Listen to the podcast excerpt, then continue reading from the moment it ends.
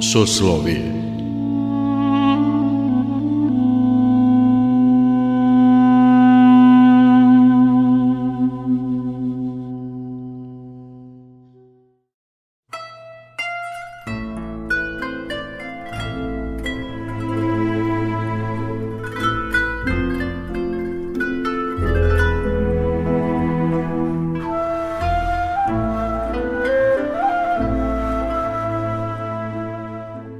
Slušate Soslovije, religijski nedeljnik Radio Novog Sada. Dobrodošlicu vam želi Mirjana Ranković. Pravoslavni hrišćani koji poštuju julijanski kalendar proslavili su praznik Oci. Otac Branislav Đuragić objasnio nam je sve pojedinosti vezane za ovaj običaj koji slavi porodičnu ljubav, podršku i povezanost.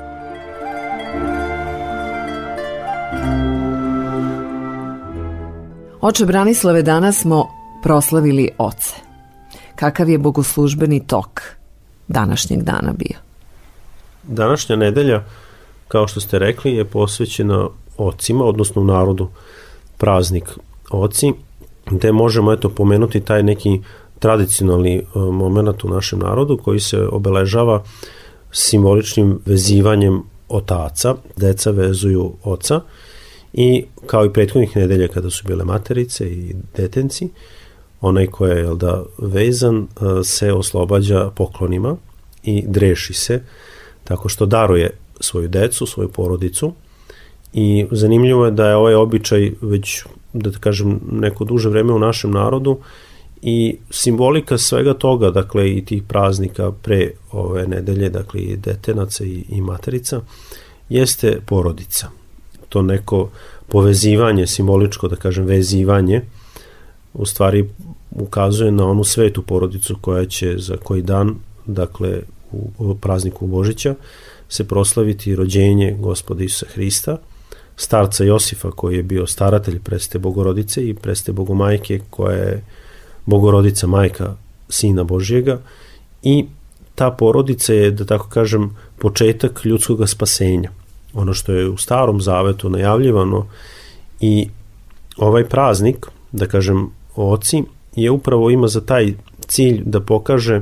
važnost porodice, važnost svakoga u porodici, i oca, i majke, i dece. I dakle da kao jedna osnovna ćelija svakog društva, to je nešto što mora biti zdravo. I upravo zbog toga postoji ta neka simbolika tog vezivanja i u stvari povezivanja, ono što smo eto pomenuli rekli. Ono što je e, zanimljivo na današnji dan, bogosluženje je praktično isto kao i svake druge nedelje, ali se čita odeljak iz Evanđelja koji govori o krvnim srodnicima gospoda Isusa Hrista, to jest gde se napominje rodoslov gospoda Isusa Hrista. Jevrejskom narodu je to bilo vrlo važno iz prostog razloga što proroštva koje su nevnjivala dolazak Hristov vrlo jasno i precizno govore da će Hristos biti potomak judinog plemena i da će se iz tog plemena, dakle jevrijski narod je u jednom trenutku bio podeljen na 12 plemena. I to su bili sinovi patrijarha Jakova, koji je imao 12 sinova i svako, svaki od tih sinova je bio rodonačelnik jednog jevrijskog plemena. Na kraju, samo Juda i Josif kao pleme koji su, da kažem, ostali sve vreme verni onom caru Davidu, pa zatim Solomonu i kasnije celoj toj lozi careva koja je dolazila iz Davidove porodice, iz te porodice se rađa i Hristos. Iz tog razloga jevrejima je bilo važno da prate tu genealogiju i oni dan danas znaju kom plemenu pripadaju i ta veza, da, da kako kažem, sa tim starozavetnim patrijarsima u njihovom narodu je vrlo važna. I zbog toga se ovde u Evanđelju i u Evanđelju po Mateju spominje e, rodoslov da bi se dokazalo jevrejskom narodu i onima koji su iz judeizma prešli u hrišćanstvo, da je Hristos obećani Mesija i da ispunjava sve ono što su proroštva govorila o njemu. Današnja liturgija, kao što sam pomenuo, specifičnog današnjeg bogosluženja upravo to je odeljak iz Evanđelja koji se čita i današnji dan s obzirom da u zavisnosti toga kako kalendarski 7. E, januar padne u toku nedelje, ova nedelja je uvek nedelja pred Božić i spremamo se za dočekivanje tog jednog najradosnijeg praznika u našem narodu i uopšte u hrišćanskom svetu. Tako da ovaj praznik je na neki način uvod u sve ono što su iščekivali starozavetni pravednici, proroci, patrijarsi, dakle obećanje koje će se ispuniti rođenjem Hristovim i dolaskom njegovim na svet kao iskupitelja, kao spasitelja ljudskog roda.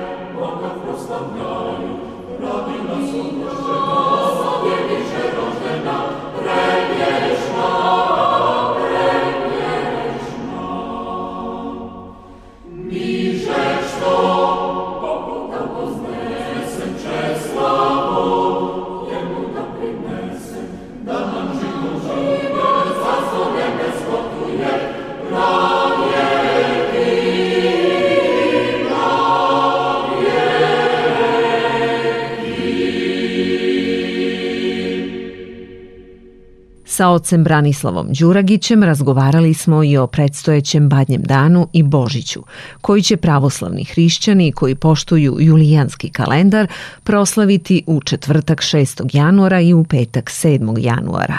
Svaki veliki praznik i Vaskrs i Božić i Bogojavljenje kao da kažem neki od najstarijih praznika koji se spomenju u bogoslužbenom krugu i po svedočanstvima još iz prvih vekova hrišćanstva, su uvijek bili dočekivani jer se po predanju smatra da je Hristos rođen u noći između subote i nedelje. Da tako kažem tačno u ponoć. I sveti oci navode to, posebno sveti on Zlatousti o tome govori, da je upravo to bio dan u nedelji, simbolično povezujući sa stvaranjem sveta. Po jevreskom računanju vremena poslednji dan u nedelji je bila subota, dan kada je Bog počinuo od svega stvaranja, a prvi dan u nedelji je bila nedelja. I u stvari, prvi dan stvaranja je svetlost. Reče gospod, neka bude svetlost i bi svetlost. I zbog toga Sveti Jovan Zlatousti govori da je Hristos rođen u noći između subote i nedelje kao svetlost sveta. Kao što je Bog u starom zavetu, stvarajući svet, prvo stvorio svetlost, tako sada u istoriji ljudskog spasenja Hristos se rađa u noći između subote i nedelje, kao što i vaskrsava u noći između subote i nedelje, tako isto ta simbolika se produžava, dakle, sa rođenja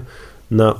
vaskrsenje, jer to jeste njegova misija bila i ne samo tada, nego i danas gospod naš Hristos jeste zaista svetlost svetu i zbog toga to bdenje, taj badnji dan, je dan u stvari najvećega posta. Ono što, eto, bismo spomenuli sada, da toga dana je najstrožiji post, da toga dana nema ribe na trpezi, da je upravo sve podređeno tome da se dočekuje praznik, dočekuje se Božić i kao što velika subota je jedina subota u toku cele godine kada se posti na vodi, jer se dočekuje veliki praznik, najveći praznik Vaskrsenje, tako isto i badnji dan je dan kada se dočekuje praznik nad praznicima, kada se dočekuje rođenje. Izuzetak svega ovoga jeste kada badnji dan bude u nedelju, pošto nijedna nedelja ne može da se posti na vodi, onda je razrešeno e, sa vode na ulje. Što jeste sačuvano u tradiciji našeg naroda da se toga dana stavljaju uglavnom e, zrnevlje koje se koristi, dakle orasi, lešnici, suvo grožđe, bademi i tako dalje, pokazujući upravo taj, tu trpezu koja je i u manastirima takva. Dakle, praktično toga dana se ništa ni ne jede. Takozvani suhojedenije, dakle, nema ništa čak ni kuvanog, nego je sve u tom nekom uh, iščekivanju velikoga praznika, jer praznik rođenja Hristovog u zavisnosti od nekog, da kažem, poredka u svakoj parohijskoj zajednici, negde se dočekuju ponoć, negde se dočekuju ranim jutarnjim satima, ali u svakom slučaju to jutro, odnosno ta prva trpeza na Božić je razrešena apsolutno na sve. Tako da imamo na neki način i tu radost da post koji je trajao šest nedelja pred Božić se završava praznikom i e, dočekujemo ga tako što je i trpeza bogatija, što naravno nije suština praznika, ali eto, u našem narodu takođe postoji ti običaj koji su vezani za pripremu te božićne pečenice i tako dalje, s tim da u današnje vreme, s obzirom da E, najveći broj našeg naroda živi u urbanim sredinama, nekako ti e, tradicionalni običaji koji su bili praktikovani u seoskim domaćinstvima sada nisu baš toliko mogući, kao što je paljenje badnjaka na kućnom ognjištu i tako dalje, gde ljudi danas simbolički uzimaju badnjake koje su sami spremili ili su negde kupili i unose ih u kuću i toga dana je da je porodica na okupu kao i sutradan. Tako da Badnji dan je u stvari dan bdenja, kao što ste lepo vi rekli i pomenuli, i dan kada iščekujemo taj veliki događaj rođenja Hristova.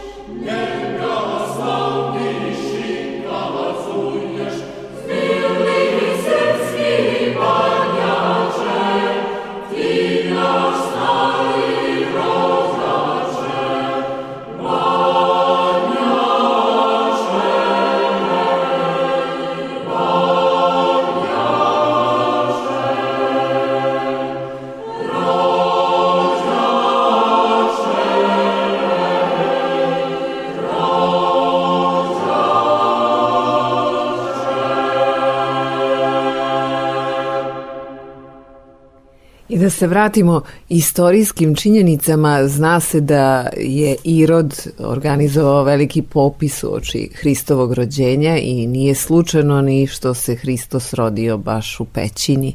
pastirskoj. Jeste, taj dan, odnosno apostol i evanđelist Luka dovodi, donosi baš vrlo precizne podatke o tome, da tako kažem namerno, citirajući i napominjući u čije vladavine se dogodio taj popis. Dakle, na e, zapovest Avgusta, to jest rimskog imperatora, vrši se popis cele vaseljene, to jest tadašnjeg e, sveta koji je potpadao pod rimsku vlast i svako je morao da ide u e, mesto svoga rođenja i Josif koji je bio jel da, staratelj preste Bogorodice po jevrejskom zakonu, u stvari njen muž,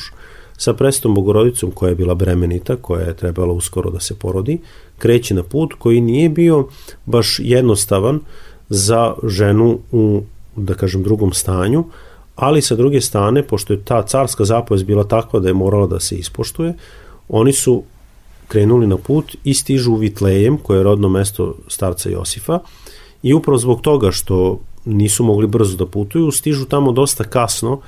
i sve gostionice koje su bile, da tako kažem, tada prepune zbog ljudi koji su isto tako dolazili u svoje mesto rođenja da bi se popisali, su bile prepune, tako da oni smeštaj nalaze nigde u nekom udobnom, da kažem, prostoru, nego nalaze sklonište u jednoj pećini blizu Vitlejema.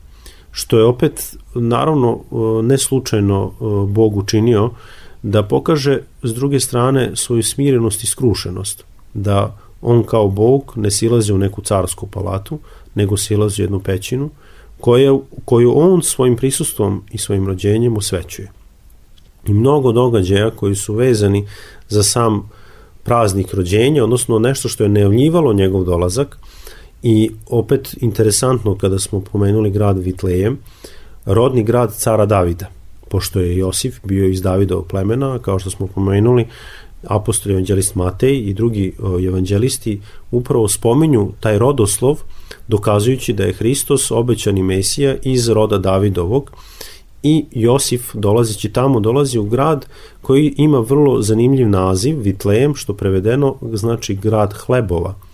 I u stvari simbolišući ono što će Hristos kasnije u Evanđelju po Jovanu ostati zabeleženo za sebe govori da je on hleb života. I što jeste u današnje vreme i simbolika i, i da kažem suština liturgijskog služenja jeste osjećanje darova, hleba i vina, koje pod blagodaću Duha Svetoga i molitvom sabrane zajednice u crkvi postaje telo i krv Hristova. Tako da upravo kao što je u starom zavetu mana bila hleb koji su jevreji jeli u pustinji dok su lutali i išli do obećane zemlje i ona je silazila sa neba na čudesan način, tako u stvari sada Hristo simbolički predstavlja taj hleb života jer će se on na kraju žrtvovati na krstu, stradati i proliti krv svoju za spasenje roda ljudskog. Iz tog razloga ovaj grad, Vitlejem, je odobran da bude mesto rođenja Hristovog kao hleba života.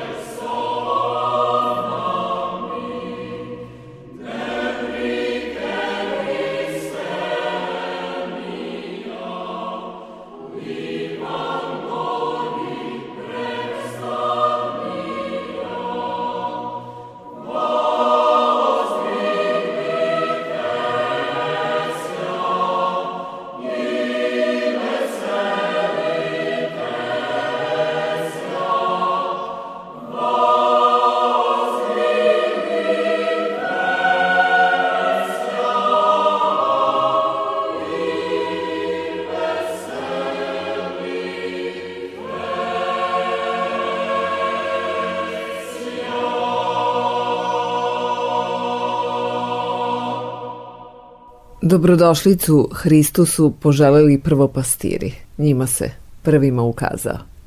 Jeste, to je isto nešto što svedoči o skromnosti samoga Hrista, koji svoj dolazak gospod najavljuje na razne načine. Dakle, imamo zvezdu koja dovodi tri mudraca iz istočnih zemalja, kako se to navodi u evanđelju, ali isto tako te noći, prva koja se poklonila Hristu jeste sama predstava Bogomajka. Zatim, posle toga, dolaze pastiri. Pastiri koji nisu znali šta se dešava,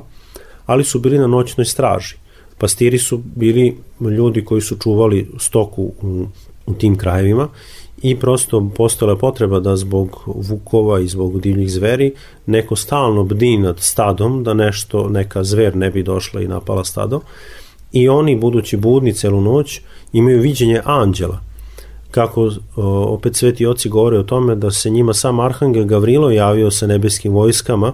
Isti onaj koji je blagovestio predste Bogorodice da će začeti i koji je bio čuvar predste Bogomajke dok je bilo u Jerusalimskom hramu, sada se do, opet pojavljuje kao blagovesnik i najavljuje, to jest otkriva pastirima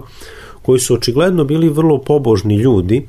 jer e, znamo da Bog u starom zavetu se nije javljao tek tako i, i bilo kome, nego uvek dušama koje su bile onako e, spremne i iščekivale dolazak Hrista i Mesije, jer generalno u jevrijskom narodu Mesije je bio najželjenija osoba koja je trebala da se pojavi. I upravo ti pastiri su bili prvi koji svojom ljubavlju, svojom čestitošću dočekuju Hrista i donose ono što su imali, dakle prvo iz njihovog stada i dolaze sa tom nekom začu, začuđeni tim viđenjem anđela koji pevaju slava na visini Bogu i na zemlji mir među ljudima dobra volja, svedočeći o tome da treba da odu u pećinu gde se rodio Hristo spas. I oni dolaze i svedoče to da su pećinu našli zato što su im anđeli blagovestili i nalaze Bogorodicu, nalaze Hrista, nalaze starca Josifa. I sem, da kažem, Bogorodice koja je već znala po blagovesti svetog Arhangela Gavrila da ono što se začelo u utrobi njenoj duha svetoga, sveti Josif, koji je bio njen staratelj, je takođe imao to iskušenje, ne znajući zašto i na koji način se to dogodilo prečistoj djevi, budući da je ona njemu poverena kao devojka na čuvanje, na staranje, on je, kao što znamo u evanđelju, imao tu, da kažem, nedoumicu šta da čini, kako da se postavi, da li uopšte da prihvati uh, dalje da živi u toj zajednici gde se oskrnavio taj zave devičanstva, ali na kraju poučen od anđela, njemu Bog otkriva da ne treba da brine i da će po rođenju sve biti otkriveno. I to se zaista i dogodilo. Ono što je isto vrlo važno svedočanstvo, da predsta Bogomajka rađujući Hrista nije imala nikakve bolove. To rođenje, dakle, nije bilo kao svako drugo rođenje. Jer kao što se kaže u evanđelju, da ga je Bogorodica sama povila i sama ga je smestila u jasle, starac Josif po predanju, videći da presta Bogomajka treba da se porodi, odlazi po svoju rođaku Salomiju koja je trebala da dođe da pomogne Bogorodici, jer je uvek bilo da jedna žena se porađala, druga žena je prihvatala dete i e, da kažem okupala ga i povijala ga u čistu, čisto platno E to se dogodilo sada drugačije. Presta Bogomajka, nemajući nikakve bolove, porodila je Hrista, ona, mu se, ona ga je prva povila i prva mu se poklonila, dozvoljavajući da iko priđe Bogu mladencu. Postoji jedno zanimljivo predanje, da je Josifova sestra, ne verujući da je ona to sama učinila i ne verujući da je ona ostala djeva, želela da to proveri. Kada je krenula to da učini, njoj se ta ruka osušila. I u tom trenutku ona shvatajući da je učinila velika, veliki greh, Ona je naslonila ruku na bogomladenca Hrista i ruka se iscerila. I tada u stvari se otkriva i Josifu i svima koji su tu došli da zaista to dete nije obično dete. I upravo zbog toga praznik rođenja Hristovog, osim dakle ovim čudesnim javljanjem nebeske vojske, je praćen i jednom pojavom na nebu, jednom zvezdom koja se, kako kažu sveti oci, pojavila sigurno mnogo ranije pre rođenja Hristovog, jer je ipak trebao neki duži vremenski period da prođe dok ova tri mudraca, kako to u slovenska reč volsvi, persisti, odnosno oni su bili zvezdari iz da tako kažem astronomi. Dakle, oni nisu bili mađioničari, nisu bili opsenari, nego su bili ljudi koji su se ozbiljno bavili astronomijom kao naukom i uopšte u tim krajevima odakle oni dolaze iz Persije i Sirije, oni su e, izučavali i proučavali nebo i zvezde i ova zvezda im je bila zaista čudesna zato što se vrlo čudesno kretala, kretala se kako kažu od juga ka istoku dakle nekako potpuno neobičnom putanjom. I kako kaže evanđelist, dok su se mudraci kretali, kretala se ona kada je, se, su se mudraci odmarali i ona je stajala. I još jedna zanimljiva stvar, da proroštvo o rođenju Hristovom još mnogo ranije u četvrtoj knjizi Mojsijevu daje jedan čovek Valam koga je pozvao jedan od careva, jer jevreji kada su lutali i ulazili u obećanu zemlju, oni su ratovali sa narodima koji su se tamo nalazili. Taj car je želeo da prokune jevrejski narod i pozvao jednog čuvenog proroka da prokune jevrejski narod i gde je svaki put ovaj želeći da prokune jevrejski narod, u stvari to pred Bog je u njegovim ustima, odnosno izgovarao proroštvo kojim je blagosiljao Izraelj. I tu postoji proroštvo koje govori da će doći zvezda iz Jude, koja će, da kažem, misleći se u stvari na Hrista, koji će ustati i kaže se tamo kao lavić koji spava, koji će ustati, misleći u stvari simbolika lava kao cara životinja, da je to u stvari Hristos, a taj san jeste u stvari smrt koju Hristos će usnuti na krstu, ali ustajanje je u stvari simbol vaskrsenja. Dakle, opet jedan, jedna divna slika koju Bog daje u ustima jednog proroka koji nije iz jevrijskog naroda i to predanje o toj zvezdi je ostalo u tim narodima sačuvano i zato su oni na neki način shvatili to kao proroštvo i kao opet, da kažem, istinski bogotražitelji krenuli za tom zvezdom. Dakle, oni su bili carevi, to je isto nešto što napominje i evanđelje i tako da sa celom svojom svitom oni kreću na taj put koji nije bio lak za to vreme, ali ono što se dešava da na putu za Jerusalim i kada su došli u blizini Jerusalima zvezda nestaje. Oni zato dolaze u Jerusalim i raspitaju se za cara koji se rodio. I upravo tu dolazimo do Iroda koji je nažalost u istoriji ljudskog roda zapamćen kao najsuroviji, najpodozriviji kralj koji je postojao. I kako kaže evanđelist, kada su oni krenuli da se raspitaju za cara, uzbunio se sav Jerusalim. Car Irod je želeo da sazna ko je taj car, u strahu da će mu oduzeti vlast. I zato ostavlja neko vreme e, mudrace kod sebe u gradu i saziva sveštenike i književnike toga doba da mu otkriju šta će se to dogoditi i gde će se roditi taj car,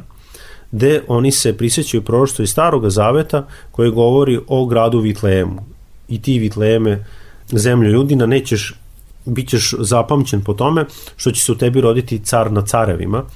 parafraziram ovaj deo iz Staroga Zaveta, i upravo zbog toga Irod daje zapovest, odnosno molbu, tako, tako reći, mudracima, da eto oni dobro se raspitaju gde će se dete roditi i da mu obavezno jave da dođe i onda se pokloni. Mudraci naravno prihvataju ovaj, ovo, ne podozrevajući nikakvu zlu nameru, i kada su nastavili dalje od Jerusalima ka Vitlejemu, koji nije uopšte bio toliko daleko, za ono za onaj pojam vremena i putovanja jeste, ali danas to zaista nije neka velika razdaljina. U svakom slučaju, oni odlaze i ponovo se zvezda pojavljuje i kako kaže u evanđelju, zvezda se bukvalno spušta nad pećinom gde, će se, gde se Hristos rodio. Carevi dolaze sa darovima, dakle sa zlatom, tamjanom i smirnom. Svaki od tih darova ima jednu simboliku. Zlato, koje se poklanja u stvari Hristu kao caru, smirna, odnosno tamjan, koji se poklanja Hristu kao Bogu, jer taman je nešto što mi prinosimo Bogu kao dar, i smirna koja je u stvari bila prinos za Hristov pogreb. Zato što u jevrejskom narodu je običaj bio da se smirnom pomazuju tela pokojnika, da ih bakterije ne bi napadale, da se telo ne bi tako brzo raspalo. U stvari simbolišući opet misiju Hristovu, dakle, da je došao kao car, kao bog,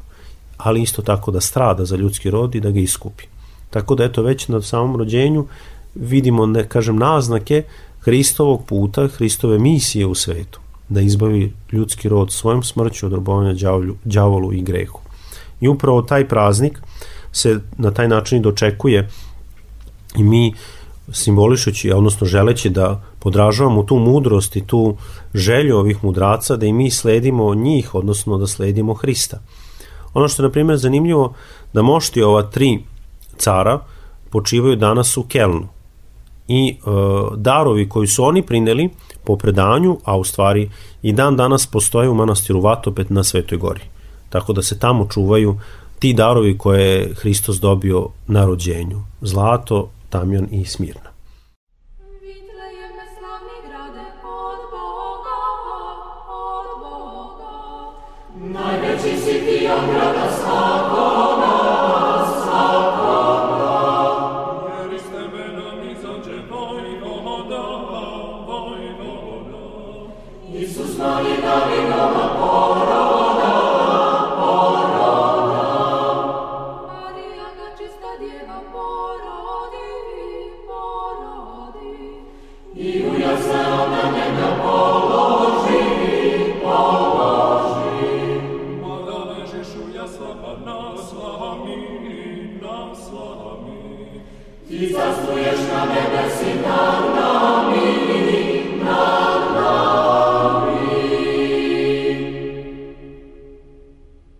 Evo, ja ću pročitati ovaj odeljak, odnosno deo, kao poruku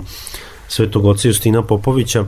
koji je na jako jedan, lep način u nekim svojim razmišljanjima uh, nad Bogomladencem Hristom, da tako kažem, šalje jednu lepu poruku svima nama i ona glasi Božić je po preimućstvu dan radosti. Dan u koji se rodila večnost na izmučenoj planeti našoj, dan u koji se rodio Bogo čovek, dan u koji je cilj života prenesen na tvari u tvorca iz čoveka u Boga. U bogomudrom božićnjem pozdravu Hristo se rodi i od pozdravu Vajstinu se rodi, sadrži se kratko izražena sva teologija. U tom pozdravu je formula spasenja i lozinka spasenja. Nad slatkom tajnom slatčajšeg mladenca Isusa, koji pruža ručice i zove nas k sebi, mi priklanjamo glave svoje i molitveno i radosno pozdravljamo sjeh i sja. Hristo se rodi, vajstinu se rodi.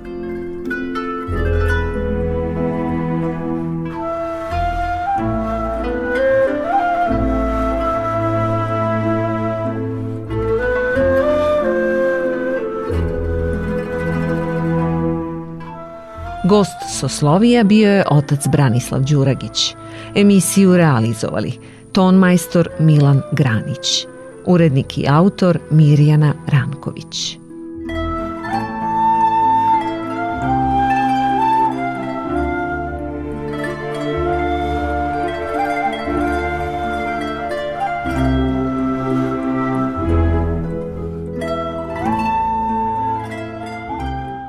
Radio Novi Sad